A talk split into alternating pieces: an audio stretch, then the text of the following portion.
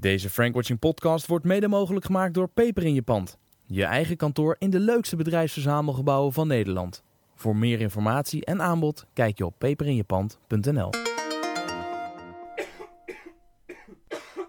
Ik wacht heel even met opnemen, want Tom die stikt ongeveer in een stukje brood. Gaat ie, jongen? Ja, bleef weer. Oké, daar gaan we dan. De nieuwe manier om aan klanten te komen, dat is social selling volgens Jarko Penning.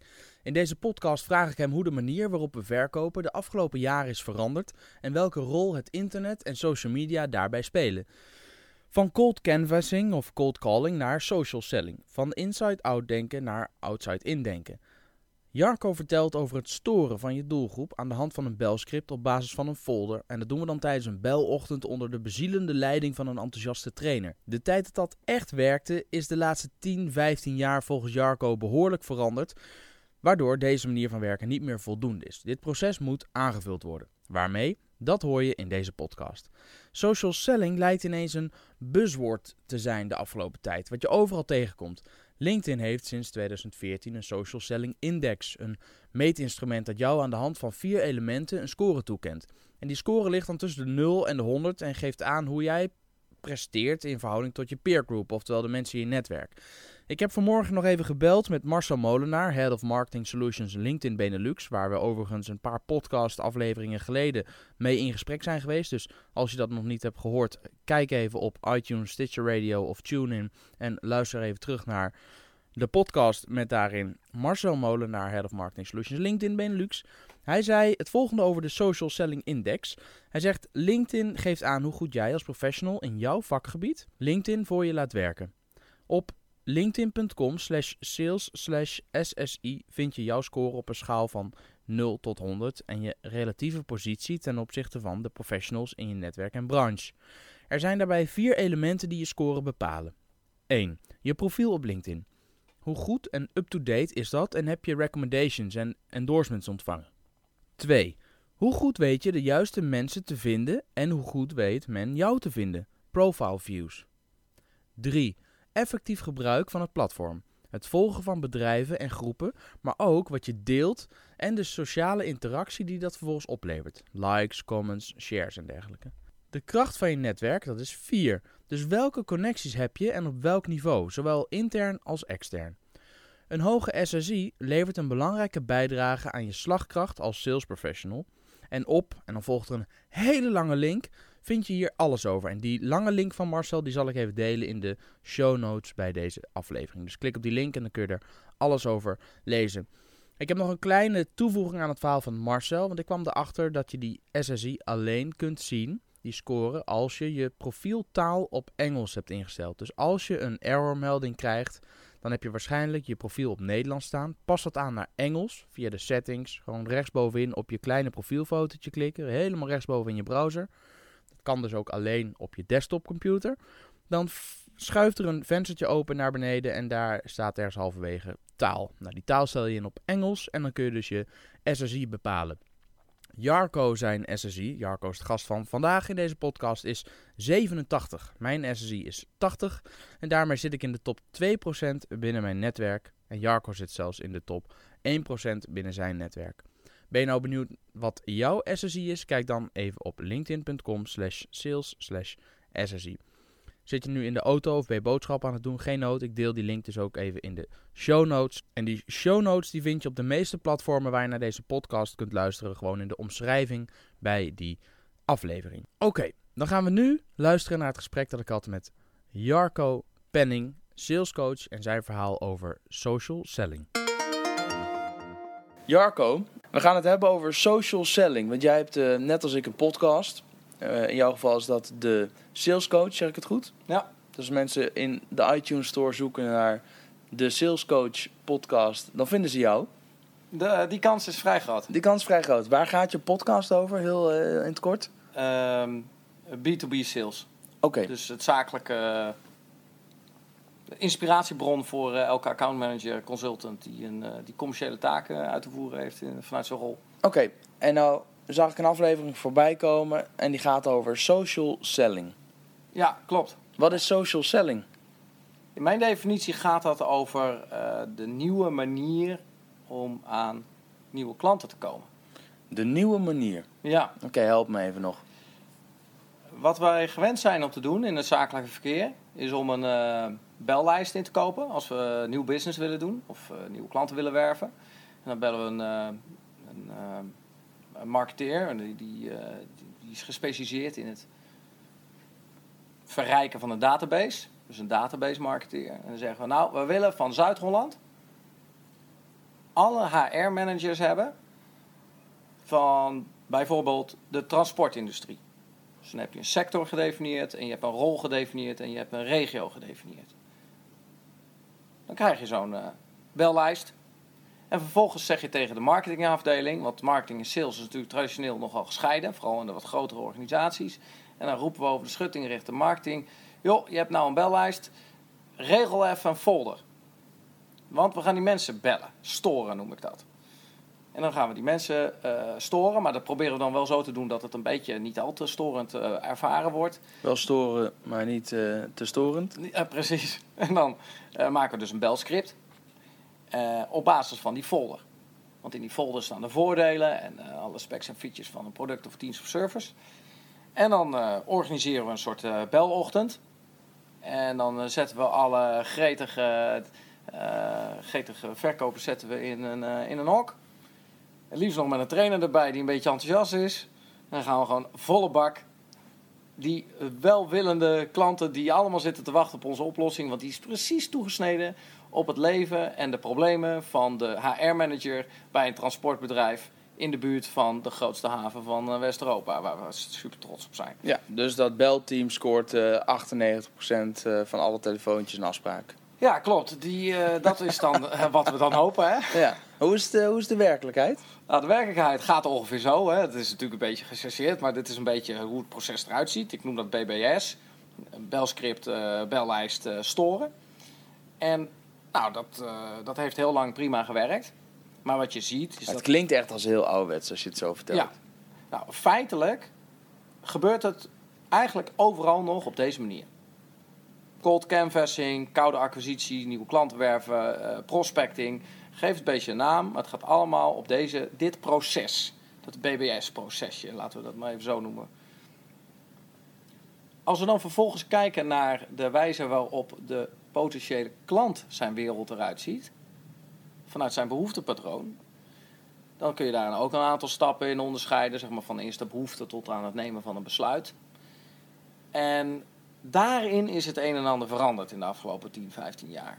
En dat is nu zo erg veranderd dat mijn stelling is: zorg er nou voor dat je dat BBS aanvult.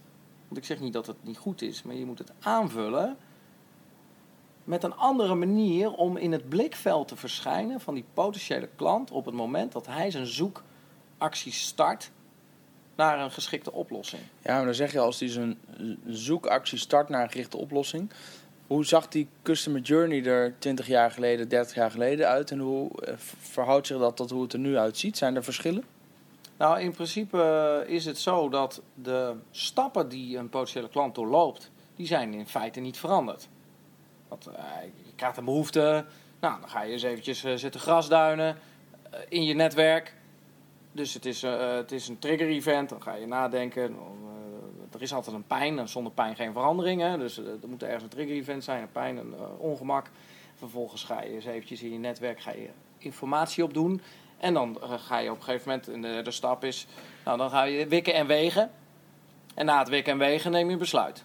Als je, als je die vier stappen zo zo Ja, onderscheidt. oké. En dat is de customer journey. Maar waar, waar bevindt de potentiële leverancier, jij als verkoper, zich nou in die customer journey toen en nu? Dat is een goede vraag. Dank je. In, eh, in eerste instantie, zeg maar 20 jaar geleden, werd je door een, eh, een bedrijf al vrij snel uitgenodigd aan tafel of geduld aan tafel als je hem koud ging bellen.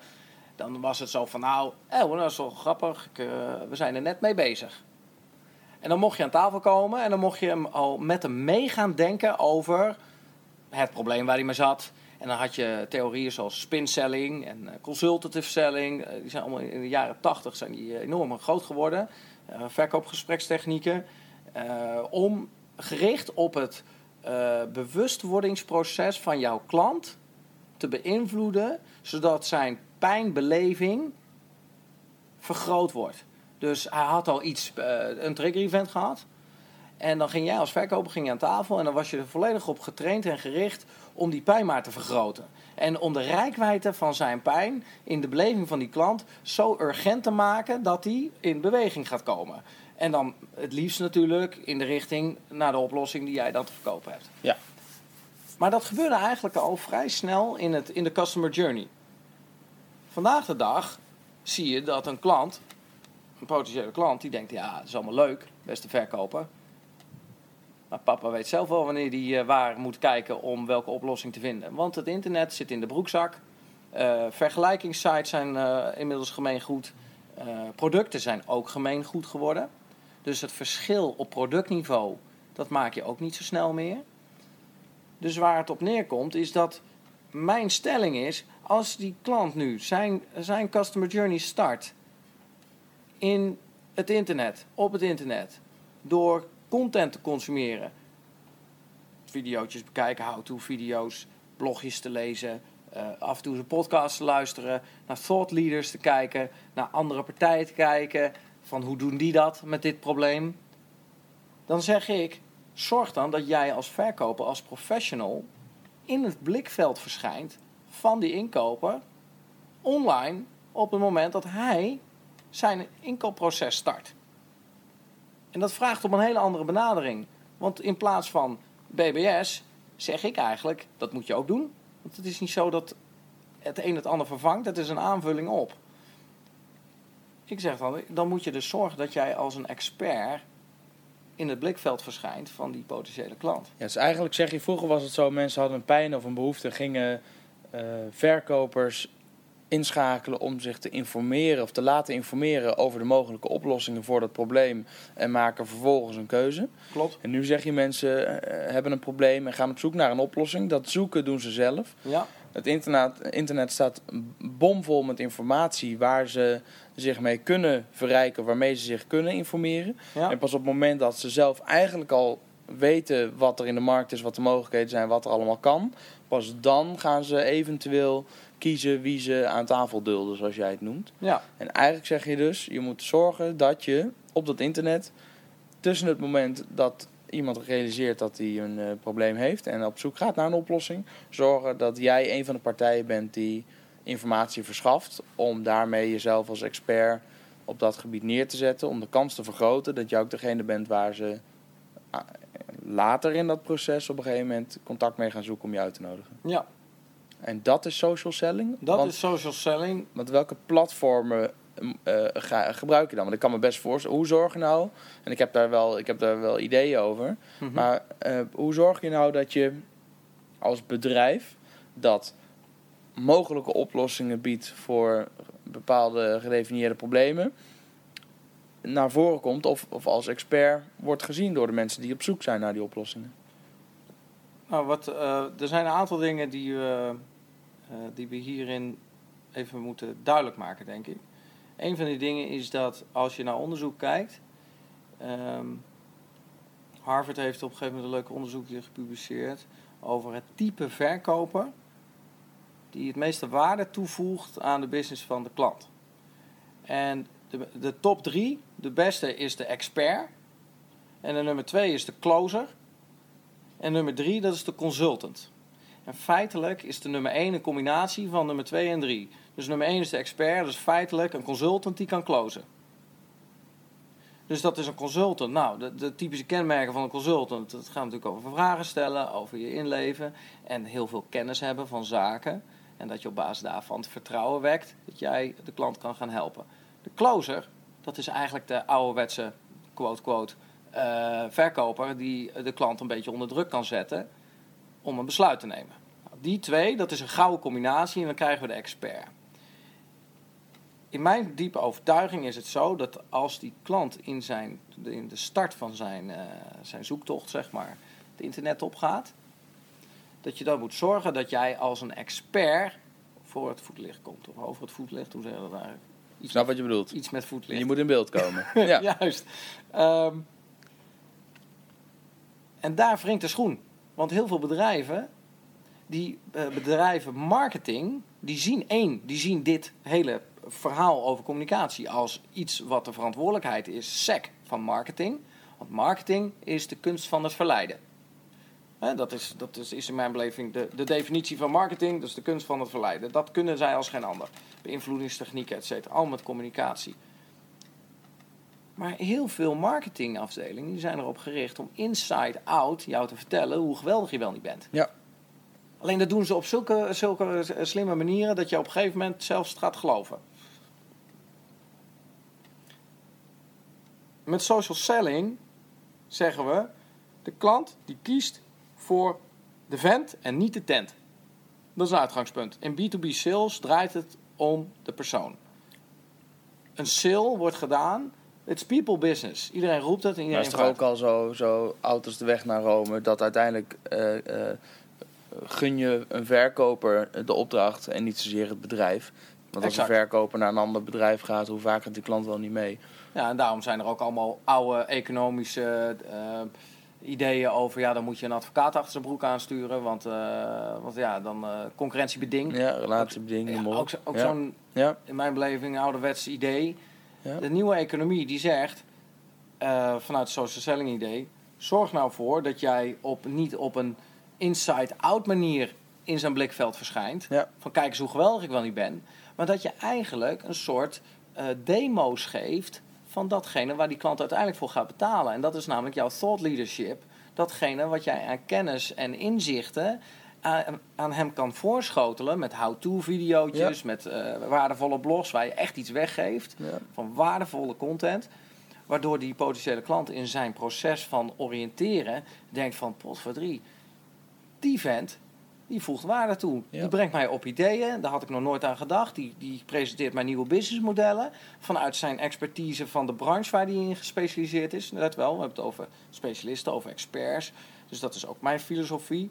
Als je nou als accountmanager het verschil wil maken, zorg dan dat je je specialiseert.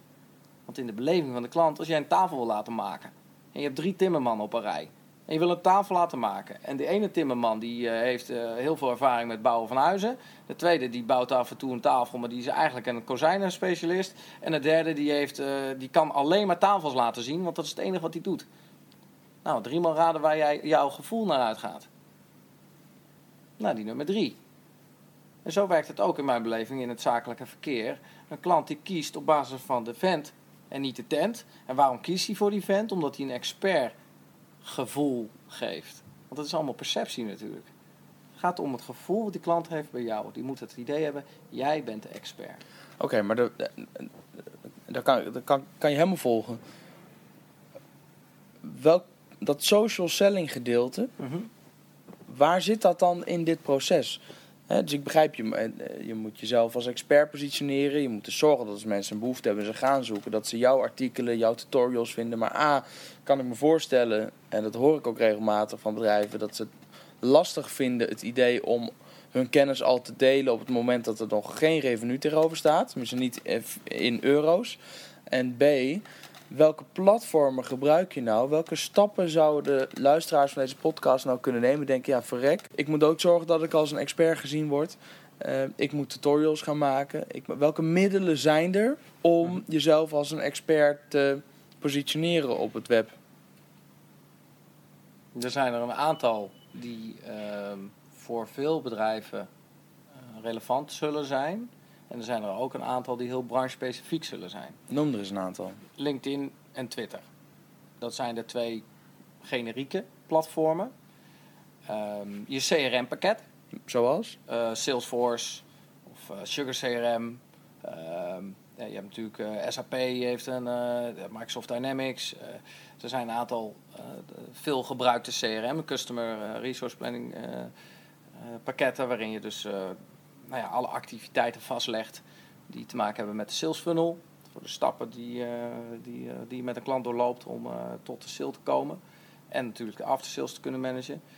Ehm, en YouTube voor, je, voor filmpjes. Vimeo, dat is wat meer voor, de, voor de kwalitatief hoger, hogere resolutie. eh, wat, staan vaak wat meer artistieke en wat meer kwalitatief goede video's op. Ehm, podcast natuurlijk. Uh, dus zoals wat wij nu doen. Dat kun je publiceren op iTunes en op Soundcloud. Nou, je kent er misschien ook nog wel een paar. Stitcher Radio, TuneIn. Ja. Dus... Um, Double Twist. Alles gaat eigenlijk over communicatie natuurlijk. Wat ook een mooi platform is, um, is Pulse. Dat is de blogfunctionaliteit binnen LinkedIn. Uh, LinkedIn heeft natuurlijk ook uh, SlideShare een aantal jaar geleden overgenomen. De presentatiefunctionaliteit. Daar kun je gewoon PowerPoints in uploaden of uh, pdf'jes.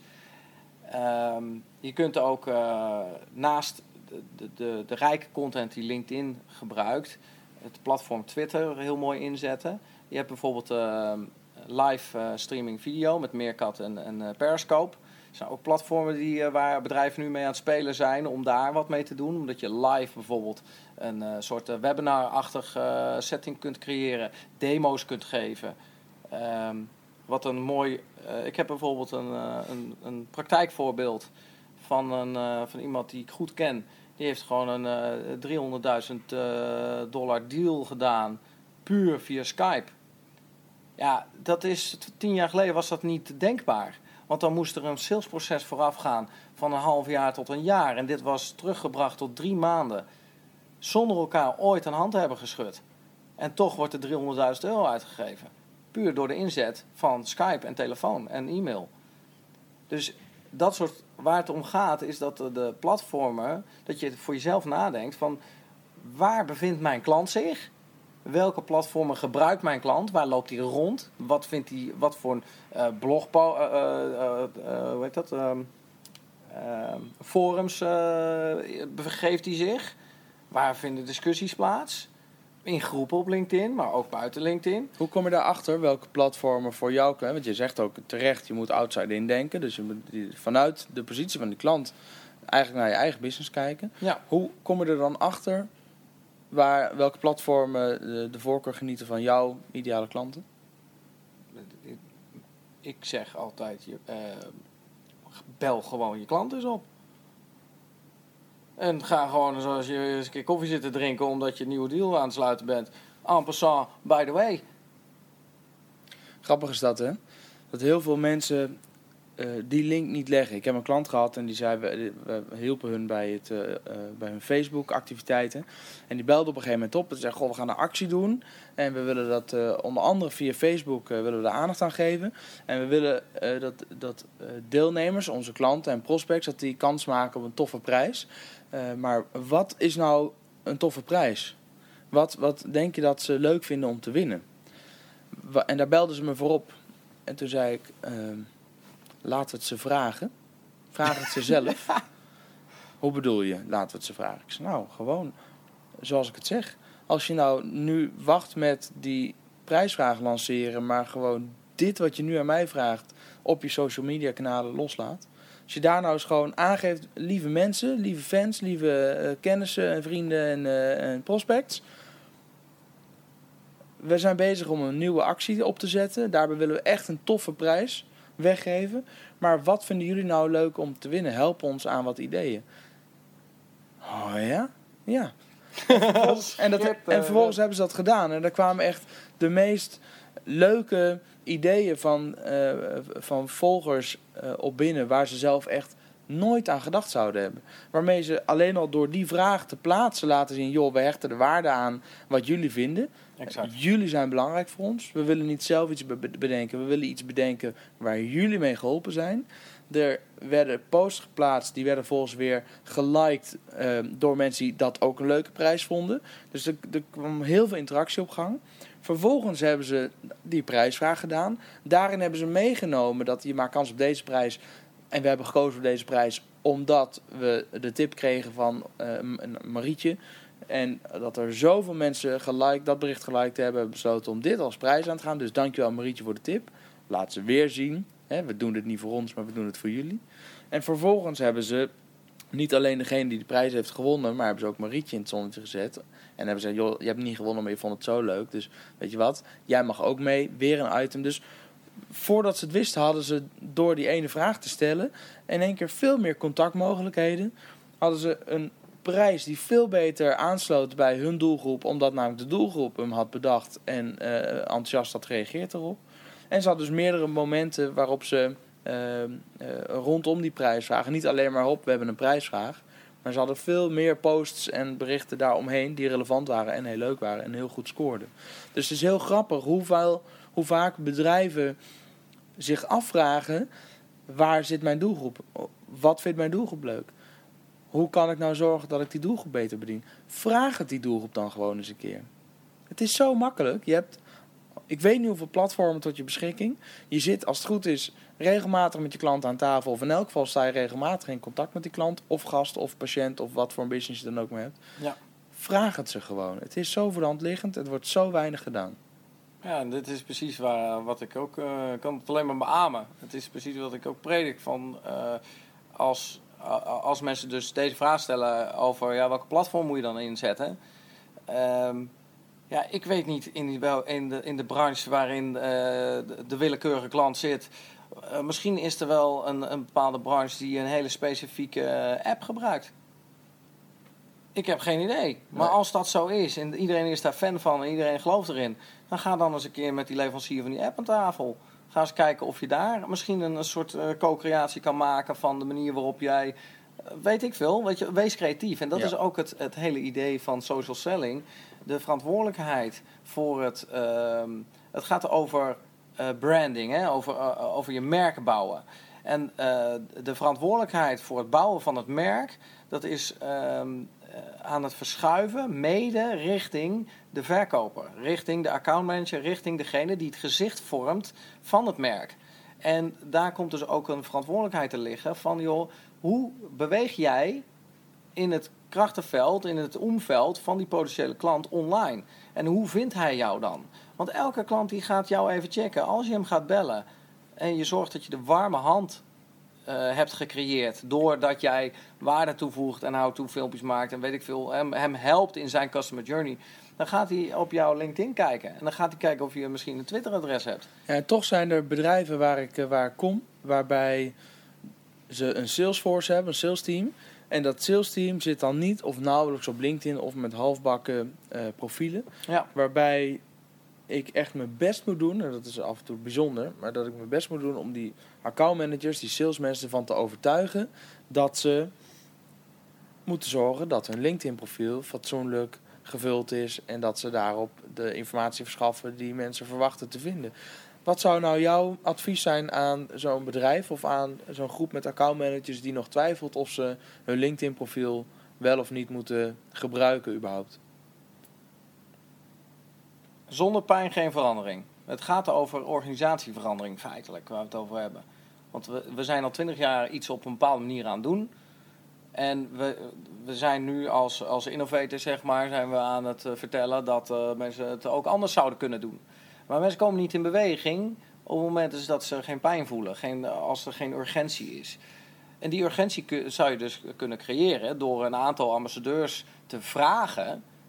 Er is altijd in elke training die ik geef op dit uh, onderwerp, zit er altijd een aantal mensen in de groep die gelijk enthousiast zijn. Mm. En die mensen, dan moet je gaan cherrypicken. Dan moet je eigenlijk als salesmanager zeggen van... Hey, ik zie dat jij enthousiast bent, ik zie dat jij enthousiast bent. Koppen bij elkaar. Zouden jullie het leuk vinden om vanuit een soort pilot idee... Dat is ook zo leuk, hè? Een pilot.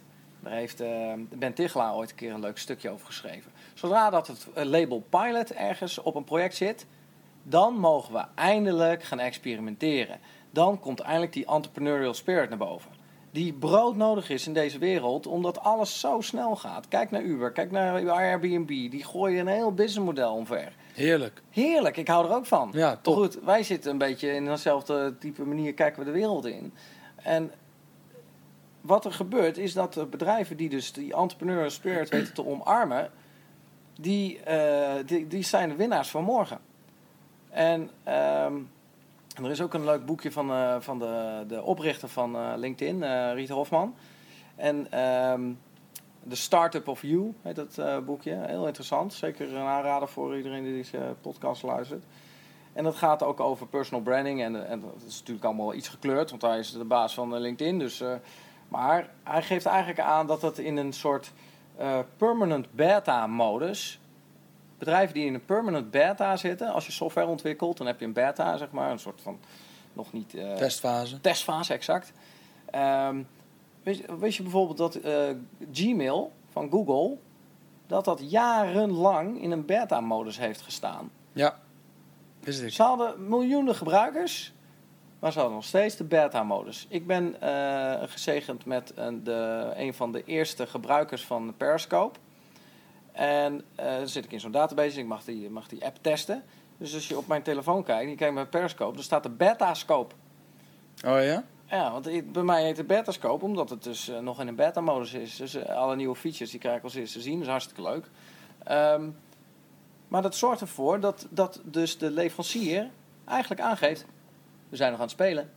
We weten het nog niet helemaal. We, leggen, we geven, nemen ook nog niet de verantwoordelijkheid voor alle kinderziektes. Hey, we zijn aan het spelen. Dus dat mag. En je mag meespelen. Je mag meespelen. Hoe leuk is dat? Ja, top.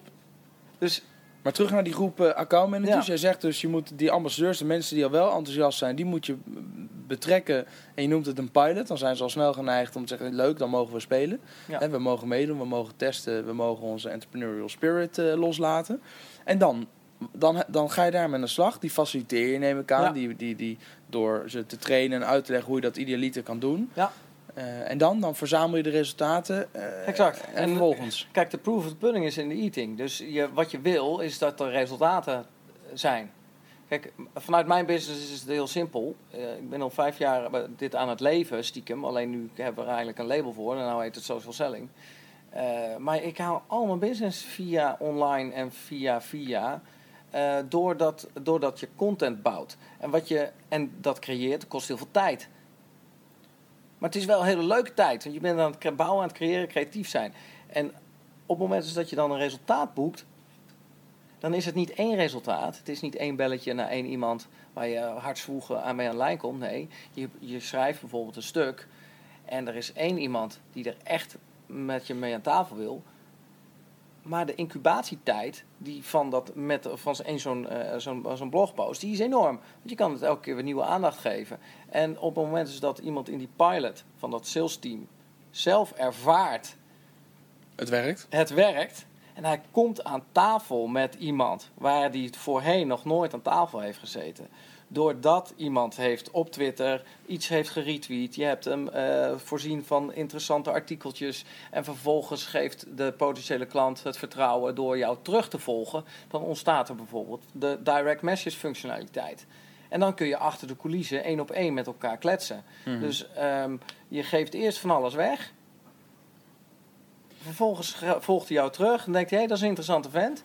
En dan vervolgens kun je, eh, na verloop van tijd, kun je eens een keertje een uitnodiging Ja, nee, dat begrijp ik. Maar en hoe, hoe gebruik je dit dan om de rest van dat sales team te activeren? Heb je daar, heb je daar tips voor? Ja, je moet, eh, ik, mijn advies is dat je, dat je de, de, de ambassadeur, zeg maar, in dit verhaal, in die pilot, dat je die het podium geeft. En ook de verantwoordelijkheden laat nemen, op zich laat nemen van, joh, ik zorg ervoor dat ik elke week, of elke twee weken, of gerouleerd, een update geef tijdens de, eh, de weekstart of de sales meeting. Of eh, elk bedrijf die heeft een eh, vast moment eh, in frequentie variërend om, om als sales team bij elkaar te komen. Zorg dan dat dit onderwerp een podium krijgt. En de- dat je succesverhalen met elkaar deelt. En inspiratie. En nodig eens een keer iemand uit. Laat hem eens een keer een succesverhaal vertellen. Misschien uit een andere branche. Doe eens een keer creatief. Ga eens een keer, eh, doe eens een keer iets geks. En eh, nodig eens een keer iemand uit uit een totaal andere branche. Wat mega eh, inspirerend is. Ik heb bijvoorbeeld jarenlang voor Jumbo heel veel gedaan. Als trainer. Nou, ik weet dat eh, Frits van Eert, die wordt regelmatig uitgenodigd door uit, alle pluimage.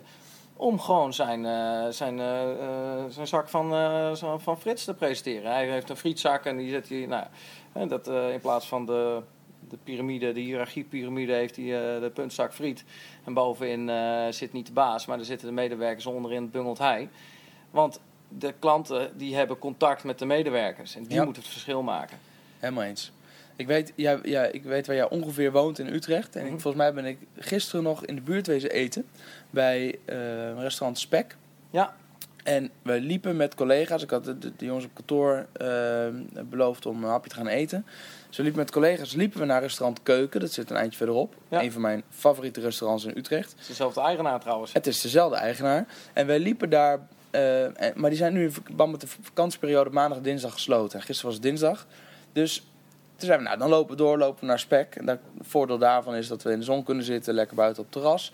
Dus we liepen erheen en bij eh Spek was inderdaad wel open. En ik weet nog dat we de hoek omkwamen, dat ik direct tegen de, tegen de jongens zei... Ah, grappig, mijn favoriete ober is hier aan het werk. En op dat moment hadden we oogcontact. Komt hij van het terras aflopen op ons af, steekt zijn hand en zegt... hey, wat leuk om weer te zien, van harte welkom terug. En die vent is de reden waarom ik terug ga. Hij en de eigenaar, Casper, die zorgen ervoor dat ik gewoon eigenlijk het allerliefste daar ga eten. Omdat ze zich continu verplaatsen en oprechte aandacht geven. Ze verplaatsen zich in mij. Ze weten ook, die, eh, als ze vervolgens aan tafel komen met de kaart, zegt hij: Wilt u de kaart nog zien of zal ik gewoon de Montepulciano eh, uit de kast pakken? Weet hij gewoon. Hij weet dat dat onze favoriete wijn Ja. is. En dat we eigenlijk gewoon altijd die wijn bestellen. En dat, dat deed hij al vanaf de tweede keer dat we daar waren. Omdat we de vorige keer zo enthousiast waren over die wijn. En hij weet het nog. Ja. Dus Geweldig. ja, top. Maar ik merk, weet je, als ik. Eh, en dat geldt ook voor Rubens Proeflokaal. Dat zit nog Ja. iets verderop in Utrecht. En eigenlijk is dat een, een, verborgen eh, schat in Utrecht. Als je het mij vraagt, dan wil ik niet te veel mensen wijsmaken dat ze daar naartoe moeten. Maar goed, mensen die tot het einde van de podcast luisteren, hè, die wil ik best belonen. Maar Rubens Proeflokaal in Utrecht is echt, dat vind ik, een van de allerleukste, meest plezierige plekken om op donderdag, vrijdag, zaterdag, zondag wat te gaan drinken met vrienden. En daar staat een man achter de bar en die man heet Wim. Dat is de eigenaar. Het heet, hij heeft ooit overgenomen van Ruben. Ja. Maar die man heet Wim. Als ik langsloop bij Rubens proeflokaal en ik kijk naar binnen en Wim staat er niet, maar iemand anders staat achter de bar, dan ga ik een dutje verder of dan ga ik toch naar huis. Of, want Rubens proeflokaal is voor mij zo leuk, omdat Wim bij Rubens proeflokaal achter de bar hoort. Ja. Dat is de vent en die vent maakt de tent. Dat is voor hem heel vervelend. Want dat betekent dat hij dus nooit een dagje Ja. vrij kan of op vakantie. ja, dat kan wel, maar hè, dan, dat, dat maakt denk ik echt dat er minder mensen eh, minder lang blijven zitten. Omdat hij echt degene is die daar eh, de, boel zo leuk maakt als, eh, als dat het is. Maar goed, weer terug naar het social selling. De- Mhm. de- ik ben het helemaal met je eens dat de vent onwijs belangrijk is voor de tent.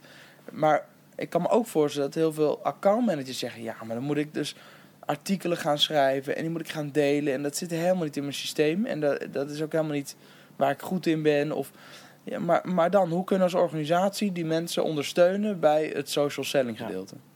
Nou, dat is een, eh, dat is een eh, veelgehoorde eh, opmerking. Ik heb het al zo druk. Dat kost allemaal tijd. Ja.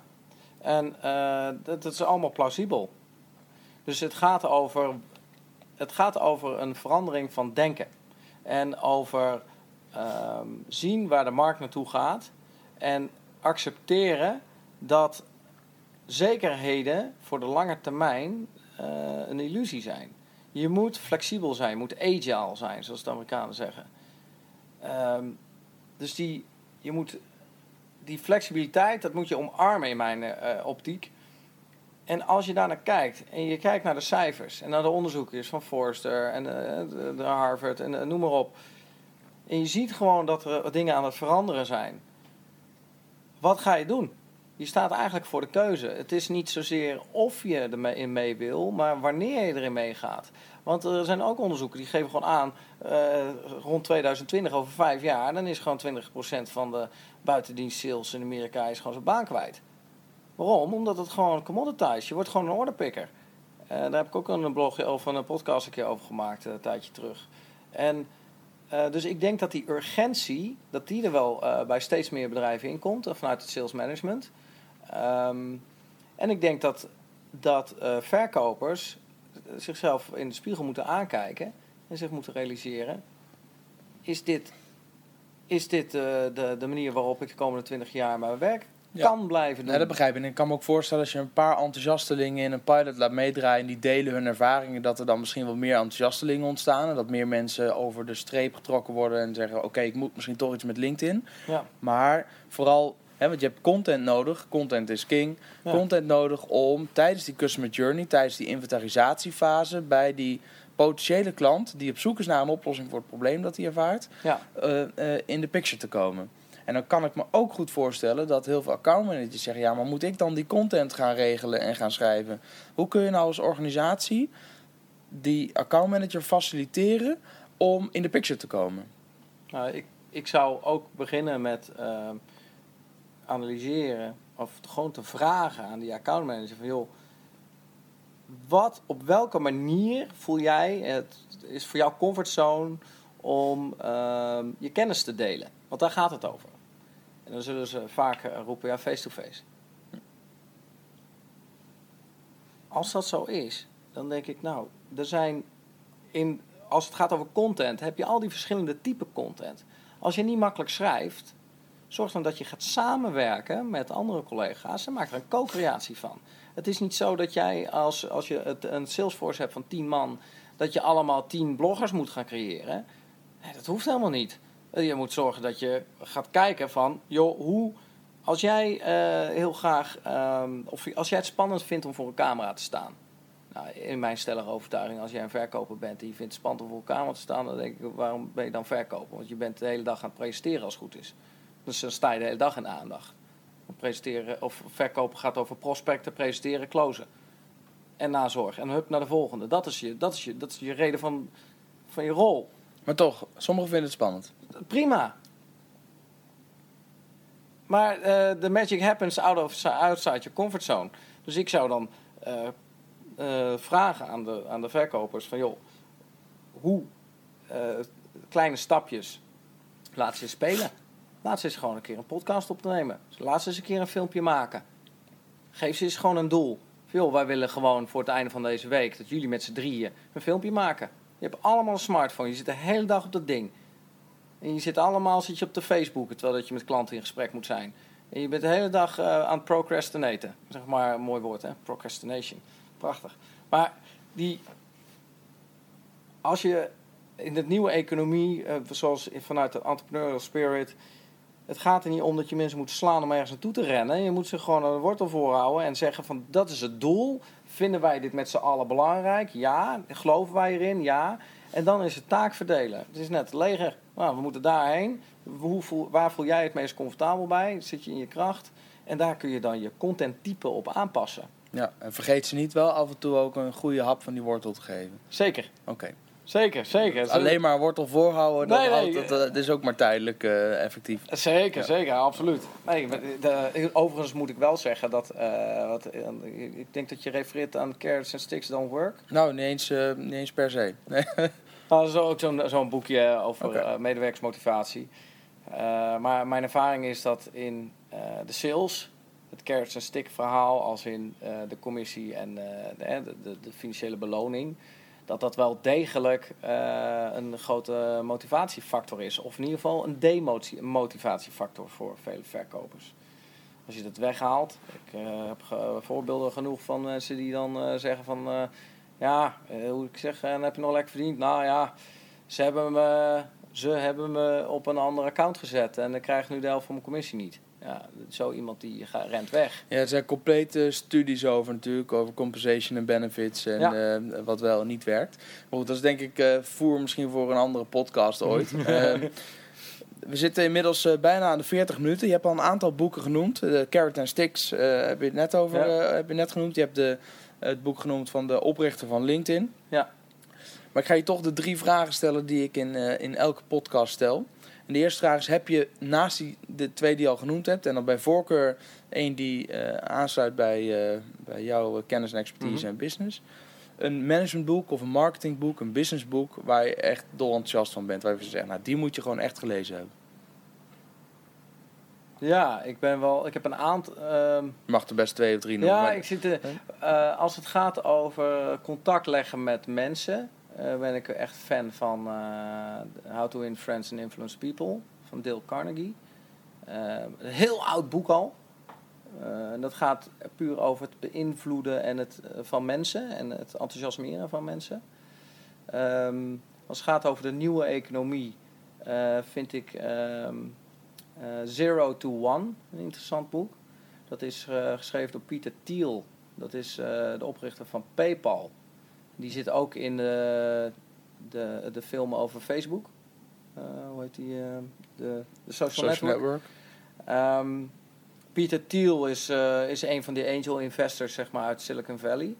Maar ik zou eigenlijk het advies willen geven aan de luisteraar. Richt je, ga eens even op zoek naar de mannen en de vrouwen achter de start-ups die succesvol zijn in Silicon Valley. Waarom? Omdat die mensen die maken onze economie. De oprichter van Uber, van LinkedIn, van ehm, ehm, Twitter, bijvoorbeeld Jack Dorsey, ook een interessante figuur.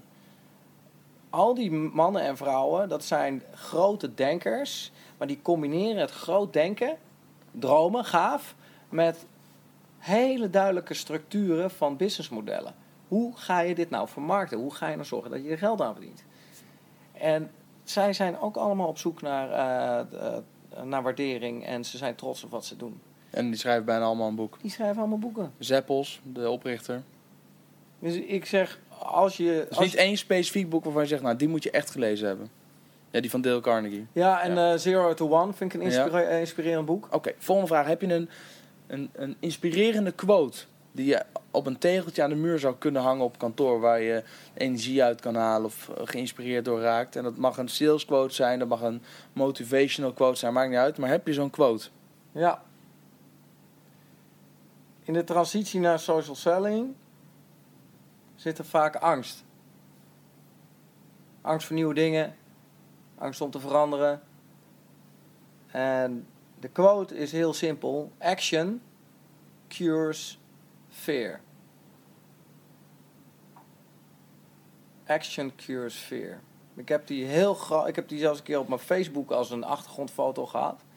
Want dat, dat dekt namelijk de lading van, ehm, van waar je eh, van de oplossing als je start met een bedrijf. Zul je herkennen misschien. Je start met een bedrijf, er is niks, er je moet iets gaan bouwen, je moet iets van niets maken. Ehm, en dan kun je 's ochtends wakker worden met het idee: holy moly. Ik heb een hypotheek, ik moet betalen, ik heb geen omzet. Hoe ga ik dit regelen? En mijn ervaring is dat er maar één ding is wat echt helpt: Dus uit je bed komen en peper in je reet en gaan. gaan. En dat je aan het einde van de dag een kwartier de tijd neemt om op te schrijven: wat heb ik bereikt vandaag? En als je ochtends een to-do-lijst maakt, wat, eh, ehm, hoe heet die, eh, ik ben zijn naam kwijt, op. Ook, eh, Brian Tracy, ook zo'n grote spreker uit Amerika, die heeft het altijd over zijn to-do-listjes. ochtends een to-do-list maken met wat je allemaal in je op- opkomt, opschrijven. Maar beperk die lijst tot maar vijf items. Wat ik namelijk in het begin deed. Dus dan had ik wel 15 of 20 dingen. Ja, En dan had ik aan het einde van de dag 12 dingen bereikt. ja is heel onbevredigend. En dan zat ik te balen s'avonds. Was ik nooit blij. Toen zei een coach, een business coach een keer... Ja, weet je wat jij moet doen? Je moet prioriteiten geven aan die lijst ochtends. En dan pak je gewoon een aantal makkelijke en een paar moeilijke. En dat beperk je tot vijf items. Aan het einde van de dag ben je bijna altijd aan het overachieven. En kun je jezelf een pluim geven.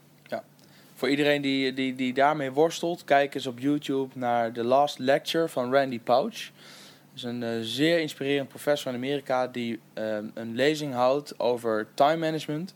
Eh, het heet The Last Lecture omdat de man gediagnosticeerd is met kanker. Hij weet dat hij, hij zit eigenlijk al in zijn reservetijd, dus hij leeft al langer dan dat de arts hadden gezegd dat hij zou leven.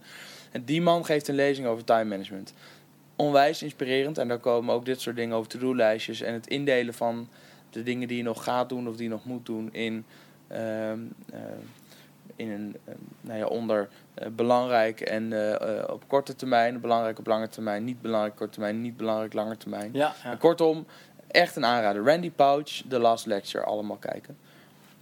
Dan ga ik over op de laatste vraag en die luidt als volgt. Ben je nou in je carrière, dat mag op social selling vlak zijn of überhaupt sales vlak of wat dan ook, ben je wel eens enorm op je bek gegaan? En zo ja, zou je dat moment met ons willen delen en dan vooral ook de les die je eruit hebt getrokken, ehm, om de luisteraars te helpen te voorkomen dezelfde fout te maken als jij destijds hebt gedaan, maar wel die les even mee te pakken. ja. dat eh, heb ik wel. Dat is mooi. respecteer de natuurlijke tijd van een salesproces. Een voorbeeld is dat ik ehm jaren geleden ehm, had, ik een, ehm, had ik een filmpje gemaakt, een demofilmpje. Nou, mijn stellige overtuiging, een demonstratie, een persoonlijke ervaring van de potentiële klant. is het meest krachtige wat je van het product kan geven. Een proefrit zeg maar eh, van de auto. Nou, ik heb een demofilmpje gemaakt. En ik had dat demofilmpje, had ik een landingpage op de website gemaakt. Helemaal mooi, gaaf. En toen heb ik ehm, niet de tijd gerespecteerd van mijn potentiële klant om daarop te reageren. En wat er dan gebeurt is dat een potentiële klant, die stuur je zoiets toe. En vervolgens ga je er als een soort vanuit angst geregeerd, hè, destijds, want ik was net gestart. Ga je vanuit angst ga je ehm, pushen. En toen heb ik een mail gestuurd met eh, eigenlijk een digitale folder, zeg maar, met dat filmpje. Aan een heel groot eh, gedeelte van, het, eh, van de medewerkers van dat bedrijf. Terwijl dat ik de baasjes nog niet de tijd had gegund om fatsoenlijk te reageren op de mail die ik hen had gestuurd. Dus toen is er intern natuurlijk, ja, dan beginnen medewerkers naar die baas te, te bellen en te mailen van joh, wat is dit? En die had mijn voicemail netjes afgeluisterd, maar die had nog helemaal niet de kans gehad, omdat er gewoon letterlijk nog niet eens een businessdag tussen zat. Jij wilde te snel. Ik wilde veel te snel. En die kreeg je op je bord. Ja, absoluut. Dat is geen deal geworden. Nooit. Nooit. En dat is, ehm, dat is echt een. ehm, ik hoop dat het voor mensen herkenbaar is. Dat je vanuit, omdat je onzeker bent, je bent, je bent net gestart en of je bent iets nieuws aan het doen waar het over gaat, is dat je. De, de, de, de driver is angst. En dat is nooit een goede driver. Dus het lullige was, eigenlijk het mooie ook. Twee dagen nadat, ik dit, nadat dit incident had plaatsgevonden, had de grootste baas van dit betreffende bedrijf. die reageerde op de mail. Want die had namelijk zijn, eh, zijn manager nog niet gesproken. En die had nog helemaal niet ge- meegekregen wat er was gebeurd. Dat ik dus die mail naar al die medewerkers had gestuurd. En dat die eh, manager daar eh, de balen van had gehad. Maar de, de mail van die baas die was hartstikke positief. Hé, hey, wat leuk om op deze manier eh, dienstverlening onder aandacht te brengen. Ik zal hem doorsturen naar eh, die en die en die. Ik denk, nou, dat is niet nodig. Dat want hoeft niet die, meer. die hoeven mij niet te zien. Zonde. Zonde. Dus respecteer de tijd die er staat voor een acquisitie. Ja, geef mensen de tijd om even... eh, Pak gewoon een week. Jarko, als mensen aanleiding van deze podcast nog vragen hebben of ze eh, eh, willen je hulp inroepen wat dan ook. Wat zijn dan de beste manieren om met jou in contact te komen? Welke mogelijkheden zijn er? Waar kunnen ze naar googlen, twitteren, facebooken, LinkedIn en noem maar op. Ehm, ik heb een app. Dus mensen kunnen mijn app downloaden. En dat heet dus de Sales Coach. iOS en Android? Nog Oké. geen Windows. Nee? Daar schijnt ook, eh, maar goed, eh, daar, ik ben niet zo'n heel groot eh, Windows Mobile fan. Overigens was ik vroeger enorm fan van Nokia. Misschien zijn jouw klanten wel heel erg Windows Ja. Mobile. fan. Een ja. beetje inside out dit. Ja, ja, zeker. Ja, eens. Nou, gelukkig weet ik dat de meeste van dat een iPhone hebben. Maar ehm, En verder, dus de, de app heb je. ja, Wa- hoe heet die app? de Sales Coach. Oké. En Twitter? Ook de Sales Coach. Apenstaart, de Sales Coach. Eh, en mijn website is desalescoach.eu. Oké. Dus ehm, ja, en LinkedIn. Je kunt, eh, dat is leuk als je publiceert op LinkedIn. Dan kun je ook mij volgen. Dus dan moet je eventjes naar een van mijn posts gaan op mijn, eh, op mijn profiel. En dan hoeven we niet gelijk te linken. Maar als je dan op een van de posts drukt, dan krijg je het scherm met alle gepubliceerde. Oké. Dan kun je me gewoon volgen. Maar linken mag ook. Linken doe ik als ik mensen eh, face-to-face heb ontmoet. Dus eh, grijp dan de kans aan om, eh, om gewoon eens een bak koffie te doen. Ik geloof namelijk dat social, social media is een middel. En het gaat om de connectie die jij en ik nu hebben. Jij kijkt daar anders tegenaan? Of? Ja. Ja, ik merk namelijk, ik, was daar, ik, heb, ik heb dat een tijd lang ook, eh, eh, heb ik er zo naar gekeken. Mhm. Tot ik op een gegeven moment een, een tip kreeg van iemand om, als je wordt toegevoegd door iemand, Ja. en je kent diegene niet, dan zit er naast het knopje accepteren een pijltje naar beneden, waar je op kunt klikken reageren, maar nog niet accepteren. Ja, ja. En die klik ik tegenwoordig aan en dan reageer ik even en zeg ik, joh, beste Jarko, wat leuk dat je me wilt toevoegen, eh, maar help me even. Waar hebben we elkaar ook weer ontmoet? Waar kennen we elkaar van? Ja. En indien we elkaar nog niet hebben ontmoet of nog niet kennen, zou je kort kunnen uitleggen wie je bent, wat je doet, waarom je me zou willen toevoegen, waarom we elkaar zouden moeten leren kennen. Omdat ik vraag het omdat ik de heilige in geloof dat mijn netwerk het sterkst is, ook mijn online netwerk, als ik weet wie ik aan dat netwerk toevoeg. Alleen dan kan ik met je meedenken en kan ik mensen aan je verbinden omdat ik een idee heb van wat je doet. En soms hoor je dan helemaal niks meer. Nou, die mensen verwijder ik. De mensen die dan niet de moeite nemen om daarop te reageren. Dan denk ik, joh, prima. want Die zijn dus alleen maar contactpersonen aan het verzamelen. En daar heb ik niet zoveel aan. Nee. Maar het komt ook regelmatig voor dat mensen dan reageren en zeggen: joh, ik heb je toegevoegd met mijn mobiele telefoon en ik weet niet hoe je daar een persoonlijke boodschap aan toe kan voegen. Wat overigens wel kan, maar Ja. dat zit een beetje weggemoffeld. Maar ik heb je naam doorgekregen van die en die. Of ik heb je podcast gehoord over dat en dat onderwerp. Ik kwam je artikel tegen over dat en dat. Exact. En ik zou graag eens met je in contact willen komen over dat en dat onderwerp. En het is al regelmatig, echt regelmatig voorgekomen dat daar vervolgens business uit is gekomen. Ja. Dus inmiddels eh, beantwoord ik iedereen. Ik accepteer niet per definitie iedereen, maar ik beantwoord iedereen. Ik grijp het altijd aan om eh, een, een, een conversatie op gang te brengen.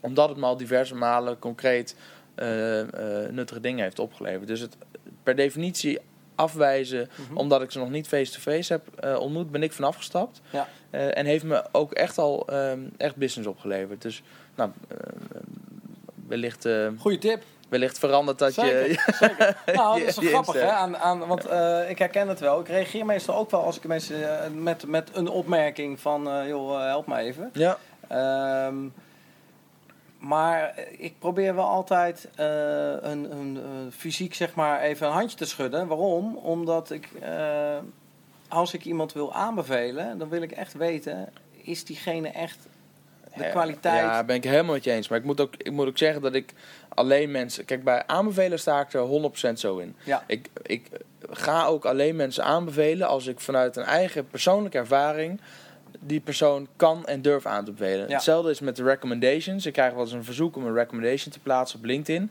van iemand die ik wel eens ontmoet heb of die een training heeft gevolgd, maar waarbij ik niet weet hoe hij of zij in haar werk is. Nee, precies. En dat reageer ik dan ook. Ik zeg, joh, ik wil je met alle liefde aanbevelen, zodra ik ook ehm, vanuit een ervaring, inhoudelijk, eh, weet dat wat jij doet, dat je dat doet op een manier die mij aanspreekt. En dan wil ik je met alle plezier eh, eh, recommenden, aanbevelen op eh, LinkedIn en ook wel op andere plekken.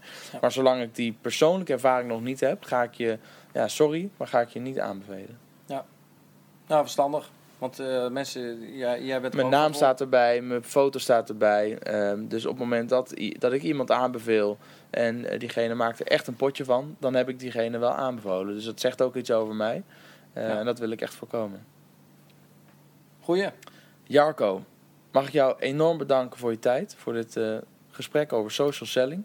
Als mensen nog vragen hebben, dan kunnen ze dus naar de salescoach op Twitter, dat is de makkelijkste weg. Of naar salescoach, desalescoach.eu. Eh, en anders gewoon even googlen naar Jarko of salescoach. En dan komen ze ongetwijfeld bij jou terecht. Klopt. Nou, jij ook hartstikke bedankt. Vond het ontzettend leuk en inspirerend om ook hier bij jou op bezoek te zijn. Mooi. En eh, ik vind het leuk ook om eens een keer een andere podcaster hier eh, op de stoel te hebben zitten. Ja, ja. Podcasters verenigt u. Dus eh, Precies. leuk. Goed, Jarko, dankjewel. Graag gedaan.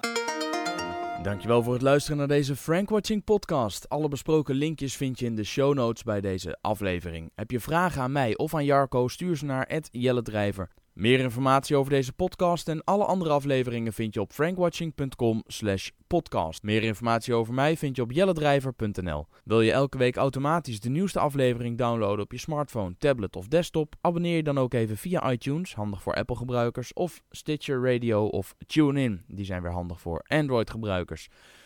Deze apps downloaden vervolgens de nieuwste afleveringen doorgaans alleen als je in een wifi-omgeving zit, dus je hoeft niet bang te zijn dat je databundel naar de haaien gaat.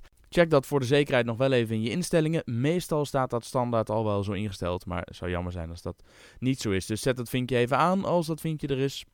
En oh ja, we zijn sinds kort ook te vinden op soundcloud.com. Ik wil je graag uitnodigen om ook je vragen in te sturen aan mij of aan gasten die ik heb gesproken. Ik overweeg namelijk om ook af en toe een Q&A-aflevering te maken waarin ik inga op ingezonde vragen. Stuur je vraag naar @jelledrijver op Twitter met de hashtag FWPodcast. Ook hoor ik graag van je wie ik volgens jou zou moeten uitnodigen in een podcast-uitzending. Laat het me even weten op @jelledrijver en gebruik dus de hashtag FWPodcast. Goed, dat was hem weer voor nu. Heel erg bedankt voor het luisteren en tot de volgende podcast.